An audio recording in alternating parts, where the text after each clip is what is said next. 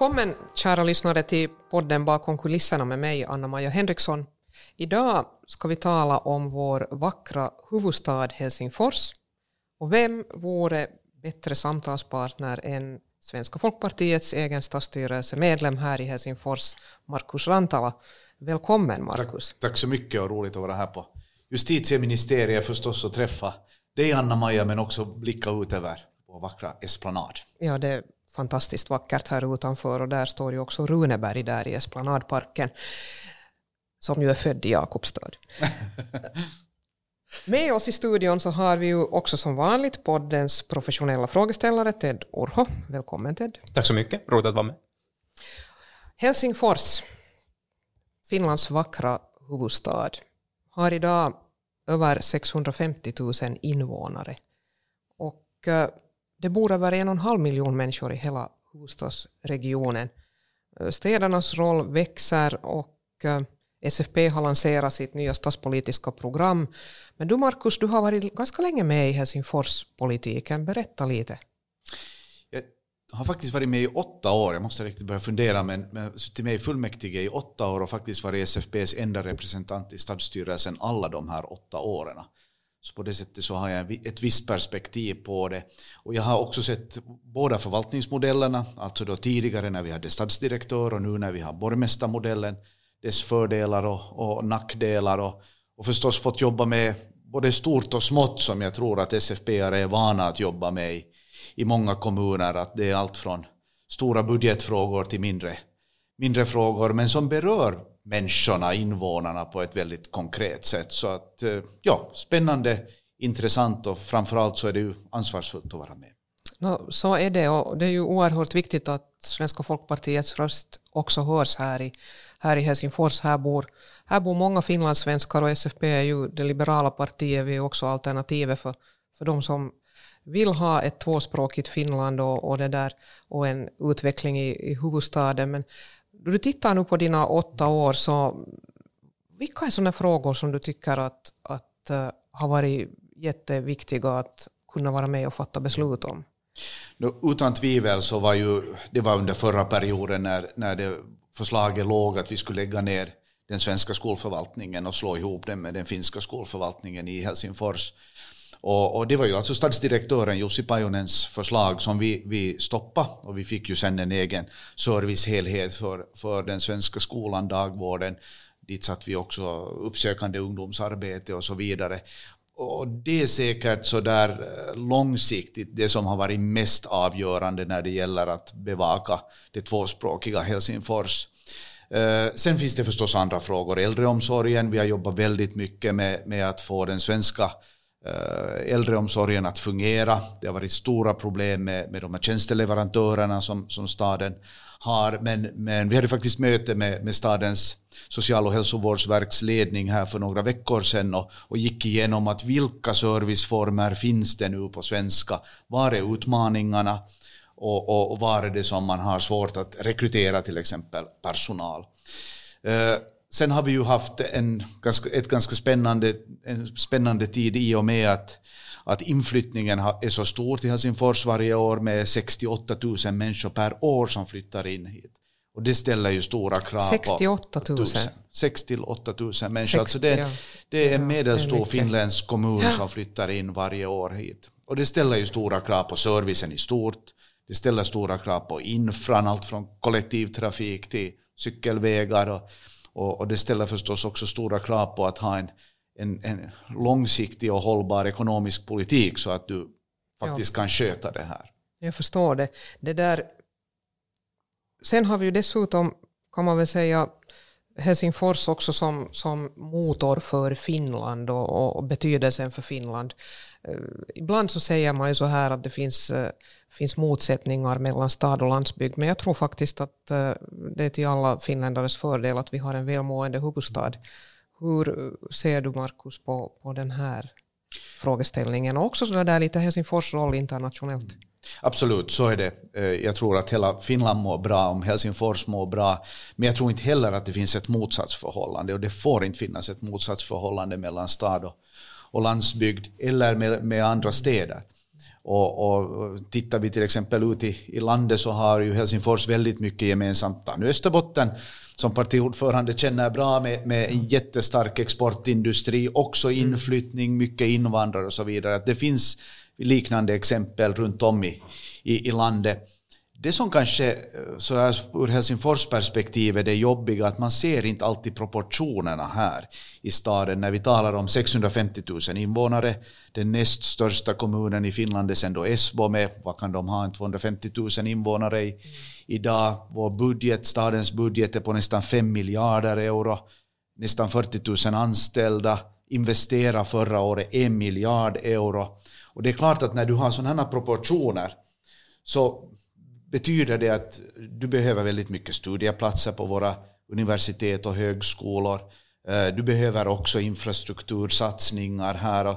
Att det, jag, tror att det här är kanske svårt ibland för alla att, att inse de här helsingforsiska proportionerna.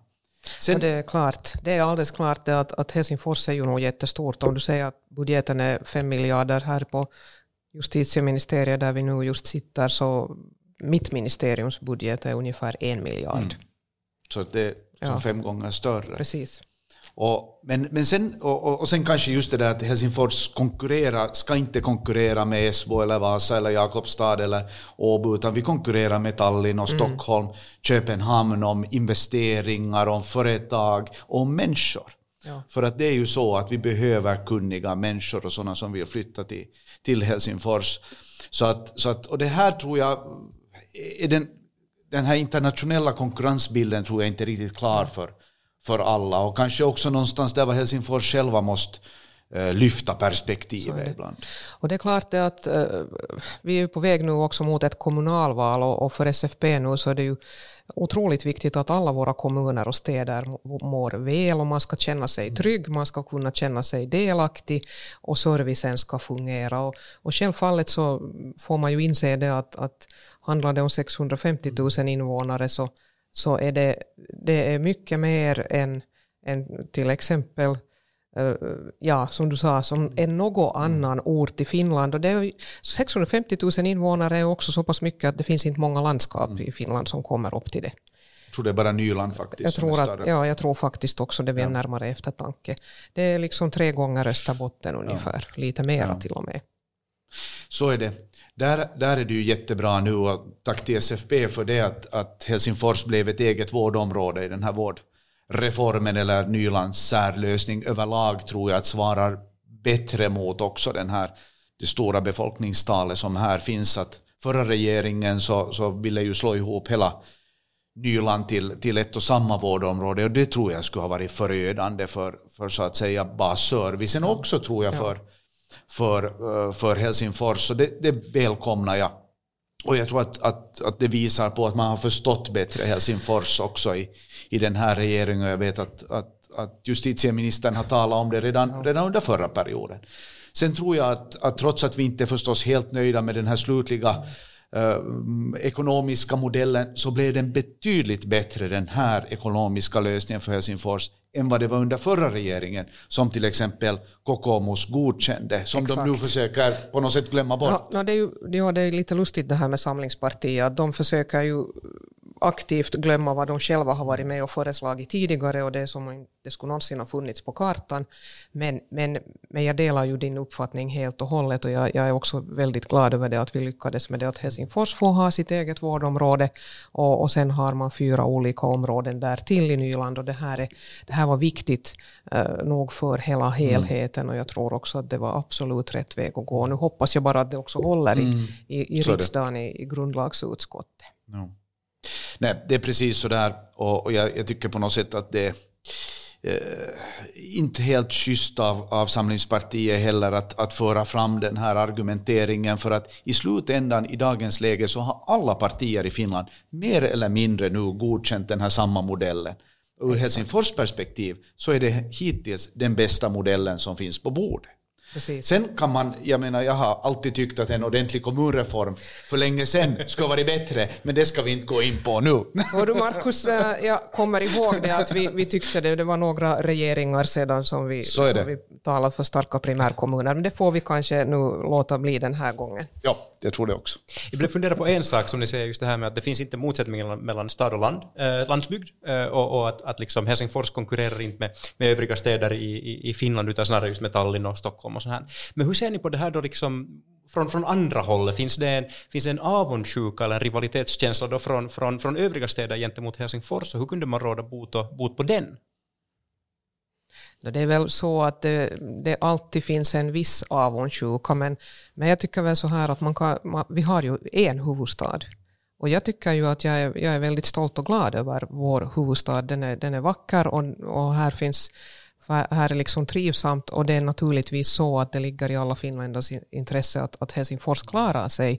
Och vi vill ju naturligtvis att eh, företag ska etablera sig, att vi också ska kunna få de här stora internationella företagen att, att komma hit och då har det naturligtvis betydelse. Så jag tror att, att det här är kanske en sån aspekt som man behöver lyfta fram också i den nationella diskussionen och, och komma bort från det här med motsättningar och istället säga att, att det är ju Finland som helhet som drar nytta av det att vi har en huvudstad som mår bra och att vi har regioner som är exportinriktade där det skapas mer av välfärd så att vi också och får fler arbetsplatser och, och klarar av ekonomin och, och, och har ett eh, gott eh, boende och, och möjlighet till en, till en eh, fin vardag runt om i landet. Så att jag hör gärna till dem som tonar ner de här motsättningarna. Jag tror inte att det är någons intresse att, att skapa motsättningar och, och här har ju städerna nu försökt, att, nu talar jag inte bara om huvudstadsregionen utan städerna i Finland överlag också, förtäta sitt samarbete och diskutera relevanta frågor som gäller alla städer i, i Finland. Eh, så att, nej, jag tror inte heller att... Säkert finns det, och det, det är säkert så tror jag faktiskt i alla länder, att det finns alltid en liten sån avundsjuka mot huvudstaden och så här, men, men, men jag upplever i alla fall inte inom, inom så att säga, de kretsar jag känner till och de regioner jag känner till att det skulle finnas någon, någon utbredd sådan.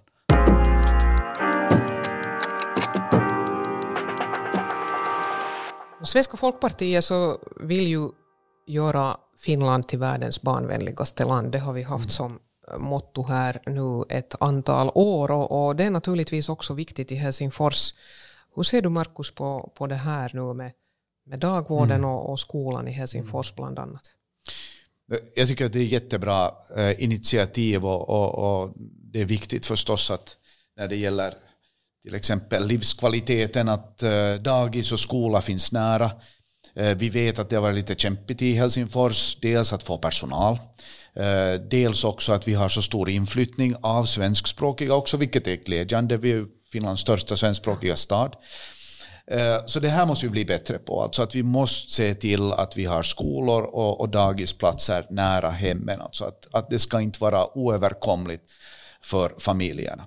Sen tror jag det andra är att, att du måste få ett sån här barnperspektiv i, i, i, egentligen i, i alla frågor. För stadsplaneringen, hur mycket du planerar in grönområden, hur mycket du planerar in eh, lekparker och sånt som gör att eh, familjer, barnfamiljer trivs är, är väldigt viktigt. Och sen kanske eh, det tredje är att, att eh, alla barnrådgivningstjänster och sånt, trots att, att mycket finns på nätet idag så måste det också vara möjligt till fysiska kontakter nära hemmen. Eh, kanske som så att, att eh, de kan söka sig till, till dagisarna, att där, där kan finnas olika pop-up-verksamheter och så vidare. Alltså att, att komma så nära människan som möjligt och ta det i beaktande från, i, i all, all politik som görs. Nej, det är, nog, alltså det, det är ju jätteviktigt och, och, och det där, jag vet också från, från egna erfarenheter att när man är i arbetslivet och ska föra sina barn på morgonen till dagis mm. så vill man ju att det ska vara nära och man vill att det ska vara tryggt mm. och man vill att barnet ska trivas. Och, och, och, det, här är, det här är naturligtvis också jätteviktigt att det fungerar här i Helsingfors mm. på ett bra sätt och, och, det vet vi också att precis som du sa det har funnits en viss problematik med tillgången på personal Men där jobbas det ju nog nu mycket på den och, och vi har försökt också se till att man nu skulle få mera barnledare mm. utbildade, praktikum är inkopplade på det. Och vi ska se hur det går, mm. men vår målsättning är ju att man ska lyckas med, mm. med också den, den biten. Det där, när det gäller unga så var vi redan in, inne på det tidigare att, att Helsingfors drar också till sig mycket studerande. Och det behöver finnas utbildningsplatser. Jag har själv erfarenhet av att ha haft Helsingfors som studiestad mm. i tiderna. Och, och, och, nu får man ju som understryka det att, att det är viktigt att också studerandena trivs. Mm. Men hur ser du på det här? Du har kanske själv när du, du är hemma från Vasa, Markus, mm. eller hur? Mm. Men var har du studerat? Jag har faktiskt studerat vid Åbo Akademi, så jag politisk magister från Åbo Akademi. Men jag hann egentligen aldrig så att säga studera ordentligt. Att jag, var, jag bodde i Åbo egentligen bara ett och ett halvt eller blev det två år. Och sen gjorde jag resten sen på distans från, från Helsingfors. Så att om jag, nå, jag, jag har inte så mycket jag, jag ångrar i mitt liv, men om det är någonting som jag skulle vilja göra på nytt så är det faktiskt att uppleva studietiden lite på nytt och vara studentpolitiskt aktiv och sånt här. Men det är kanske inte aktuellt nu. Det är men... kanske inte aktuellt nu och det måste man väl nog säga att så här i, i coronatider så jag har nog haft en stor, stor för, alltså jag har tyckt nog faktiskt synd om våra mm. studerande och speciellt de som har har börjat sitt studieliv eh, nu det här senaste året. Att det måste ha varit jättejobbigt för dem. Och också där nu så är det ju viktigt att vi så småningom ser, ser ljus i tunneln. Men när vi talar om barn och unga nu så kan jag ju inte heller låta bli att uh, tänka lite på de äldre. Uh, jag vet att du också är engagerad när det gäller, gäller våra seniorer på olika håll, men hur ser du ännu om vi går tillbaka till det här med äldrevården mm. och, och, och servicen för äldre, tillgången till, till hemtjänster och service på svenska i Helsingfors. Så, så hur ser du på det? Var tror du utmaningarna finns? Och vad är liksom bra och mm. vad borde vi ännu bli bättre på mm. här? Så eh, där är nog utmaningen också personalrekryteringen. Att det har varit svårt att få personal till de här, till de här jobben. Sen har, det, har vi haft svårt med tjänsteleverantörerna som inte har kunnat så att säga, leverera svensk hemvård.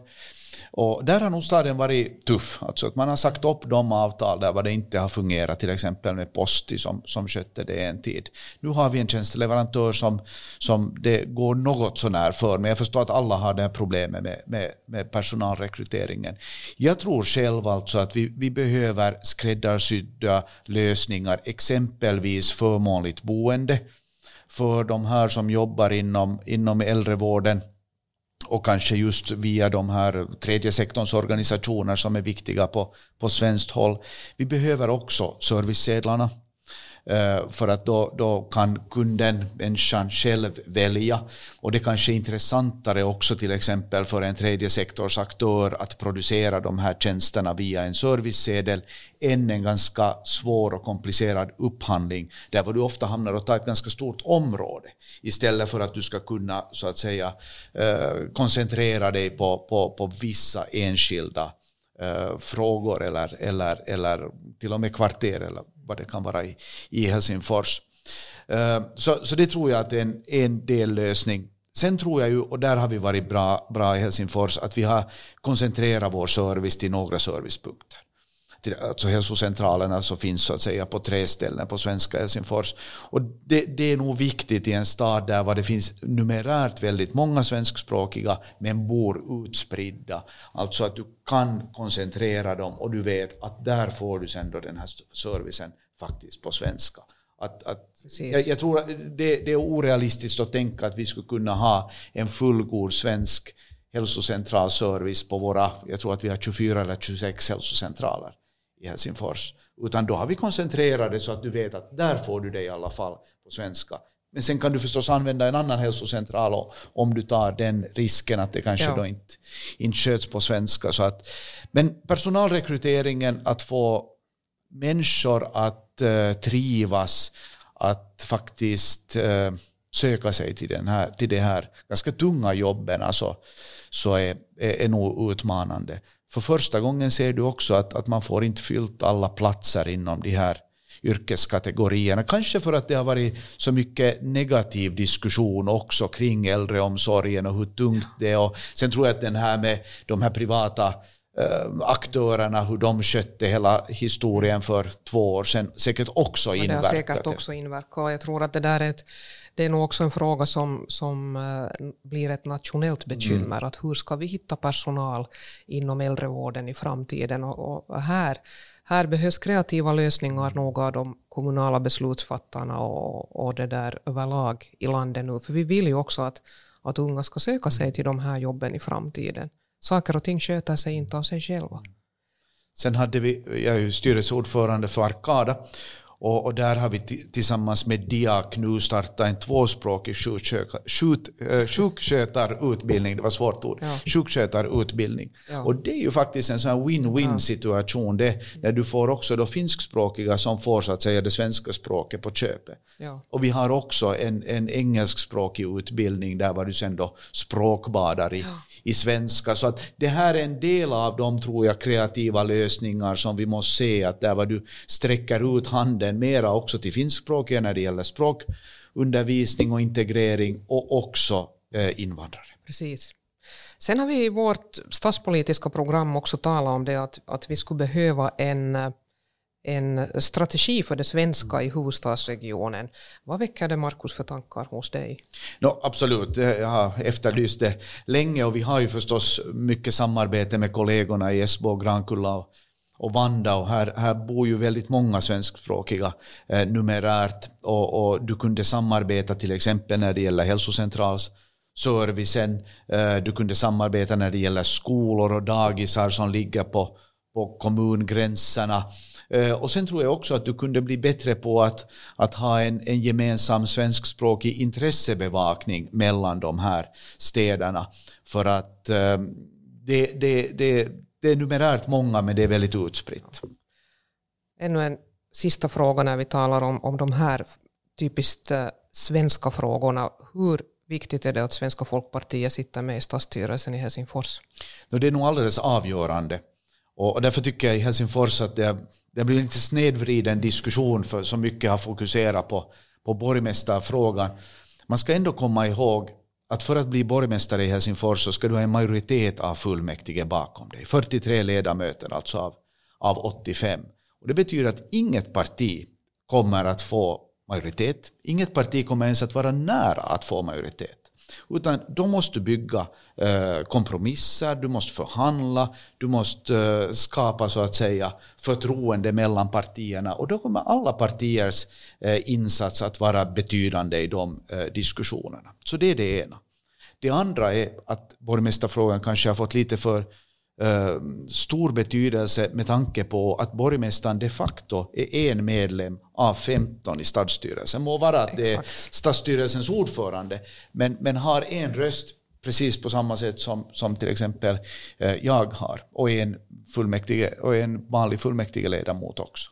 Och, och det tredje är det eh, att vi väljer 85 fullmäktige ledamöter och på basen av valresultatet så fördelas all makt i Helsingfors. Precis. Stadsstyrelse, nämnder, mm. eh, delegationer, allt som finns. Och det betyder att skulle till exempel vi tappa ett mandat så det är inte ens säkert att vi kan hålla vår stadsstyrelse eh, plats. Och då är du ute från budgetförhandlingar, du är ute från strategiprocesser och du är ute egentligen från alla stora beslut, eh, påverka alla stora beslut.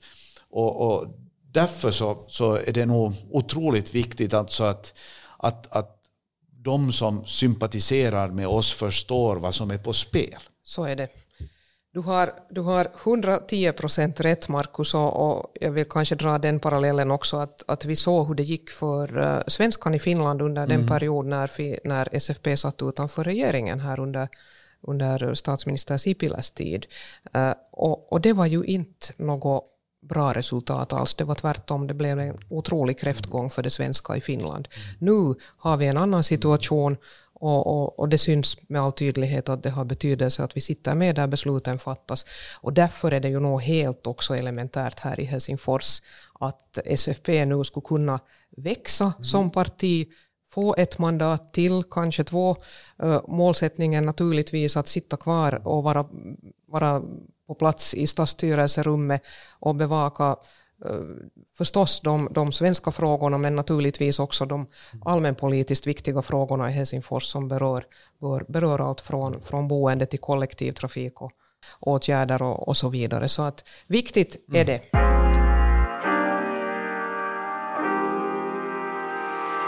Nu har vi talat väldigt mycket svenska frågor, men som sagt Helsingfors mm. är mycket, mycket annat också och det ser vi då vi tittar ut genom fönstret här eh, från justitieministeriet. Det handlar om allt från boende, det handlar om kollektivtrafiken, eh, det handlar om väldigt, väldigt mycket mer.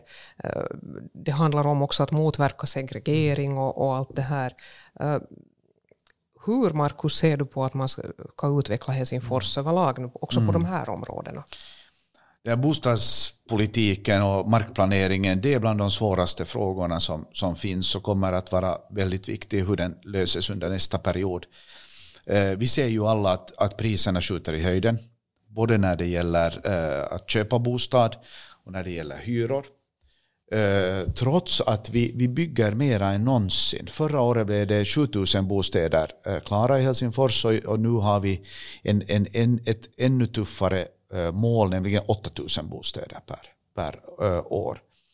Och, och, och, så att, att det finns inga egentligen enkla lösningar utan vi, vi måste fortsätta med att planera tillräckligt mycket bostadsområden. Vi måste bygga tillräckligt mycket. Eh, vi måste samarbeta med de andra kommunerna.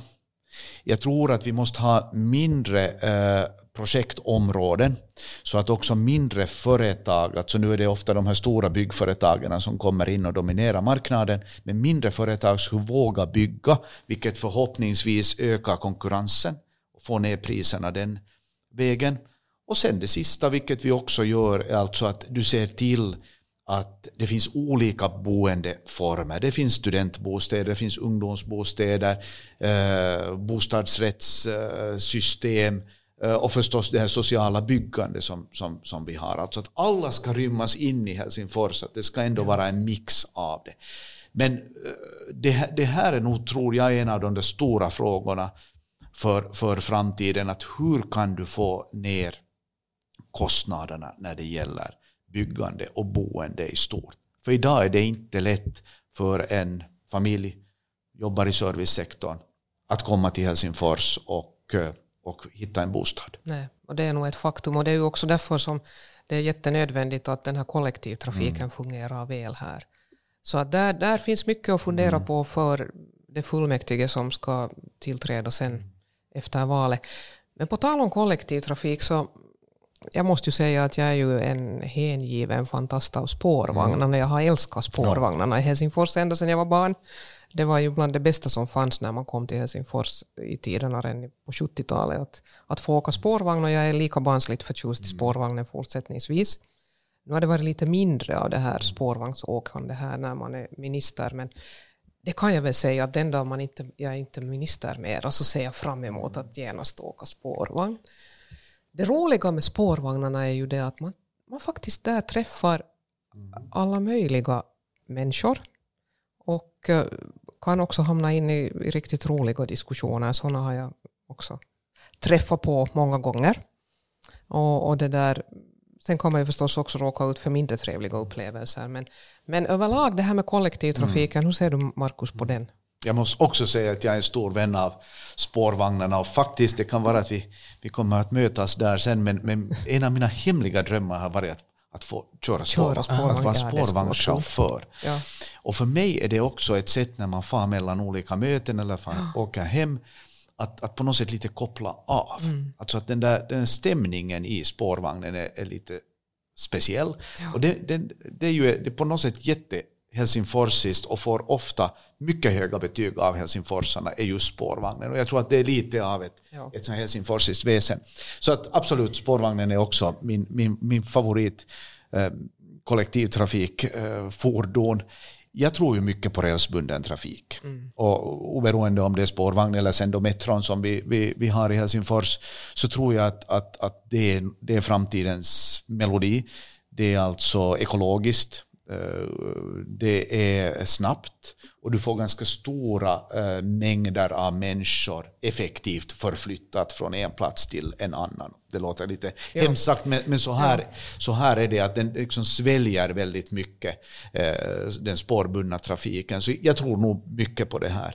Det som förstås alltid är lite utmanande, men så är det alltid i stadsplaneringen, att när du bygger ut spår så du behöver ganska mycket områden för det och då blir det alltid diskussioner och lokalt alltid ganska svåra frågor sen att när det kanske betyder att grönområden och sånt stryker med. Så det är förstås en balansgång ja. av det här. Men jag tror nog på, på, på, på det, att spårbunden trafik kompletterat sen med, med matartrafik, med busstrafik sen så, så är, är framtidens eh, melodi.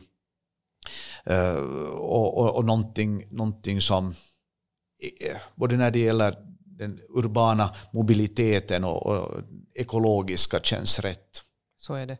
Och sen, eh, sen tror jag också metron har, har betydelse och, och det där en sak så här som då jag träffar människor när man nu träffar folk så här i coronatider, det är ju inte så jätteofta, men när man träffar folk, så, så det som jag hör här i Helsingfors är det att man vill att de här tidtabellerna ska vara användarvänliga. Mm. Och där tror jag också att det är en sak som, som våra SFP-kandidater i Helsingfors kan lyfta upp också under kommunalvalet. Mm. Så är det. Och med metron så till exempel det att du skulle kunna ha nattmetro lite oftare och inte bara uh, lilla julstider och sånt så, så ja. tror jag att det är bra. Vi har haft det på försök men jag tror nu med, med Västmetron så kunde man uh, ta ett, ett försök på nytt. Uh, spårvagnarna också att kunna förlänga hur de, hur de opererar är, är bra.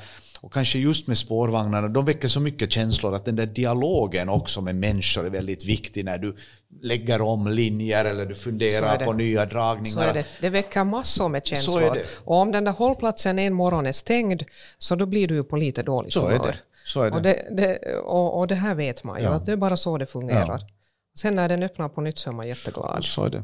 Så är det. det där ännu några sådana här, ska vi säga lite mera, mera lättsamma saker. Någonting som jag la märke till här om, om dagen när jag var ute på en kvällspromenad var att, att äh, det fanns faktiskt ett skidspår i mm. Brunnsparken. Mm. Ja. Det tycker jag är ganska häftigt. Ja. Och överlag nu så är det fantastiskt med den här vintern att mm. äh, också helsingforsarna och barnen här kan, kan skida och skrinna men också vuxna. Och det ser jättetrevligt ut. Det är nog jättetrevligt, absolut. Och jag tror ju faktiskt att sen när vi kommer över det här corona och, och vi börjar se hoppeligen lite ljus i tunneln nu och, och, vaccineringarna är i full gång så kommer Helsingfors säkert att höra till vinnarna. Att det är, en, det är en fungerande stad, den är ekologiskt hållbar, naturen är nära som du säger, man kan skida, skida utanför sitt eget eh, hem, den är småskalig och, och, och fungerande. Mm. Så jag tror faktiskt att, så att Helsingfors kan vara vinnare sen när vi går vidare. Att det är just sådana ställen, städer som tar vara på sina invånare och tar vara på eh, miljön och tänker långsiktigt som, som också är intressanta för människor och för investerare och, och, och etabler, företagsetableringar. Så är det säkert och jag tror att vi behöver alla nu också titta framåt att, att det finns faktiskt ett ljus i tunneln. Allt fler människor får vaccin nu dagligen och om en, de här kommande veckorna kan vara lite jobbiga nu så då vi går mot sommaren så är jag ganska övertygad om att, att vi, vi, vi ska ändå kunna fira en, och, och leva en någorlunda normal sommar. Vi kanske inte reser på samma sätt ännu utomlands som vi har gjort tidigare men åtminstone här i hemlandet ska vi kunna ha det ganska ganska bra. En sån där grej som jag åtminstone tycker att man borde fortsätta med här i Helsingfors och kanske gärna också utveckla så var ju den stora mm. uteterrassen på, mm. på Senatstorget. Jag tyckte ju det var jätte, jättefräscht förra sommaren.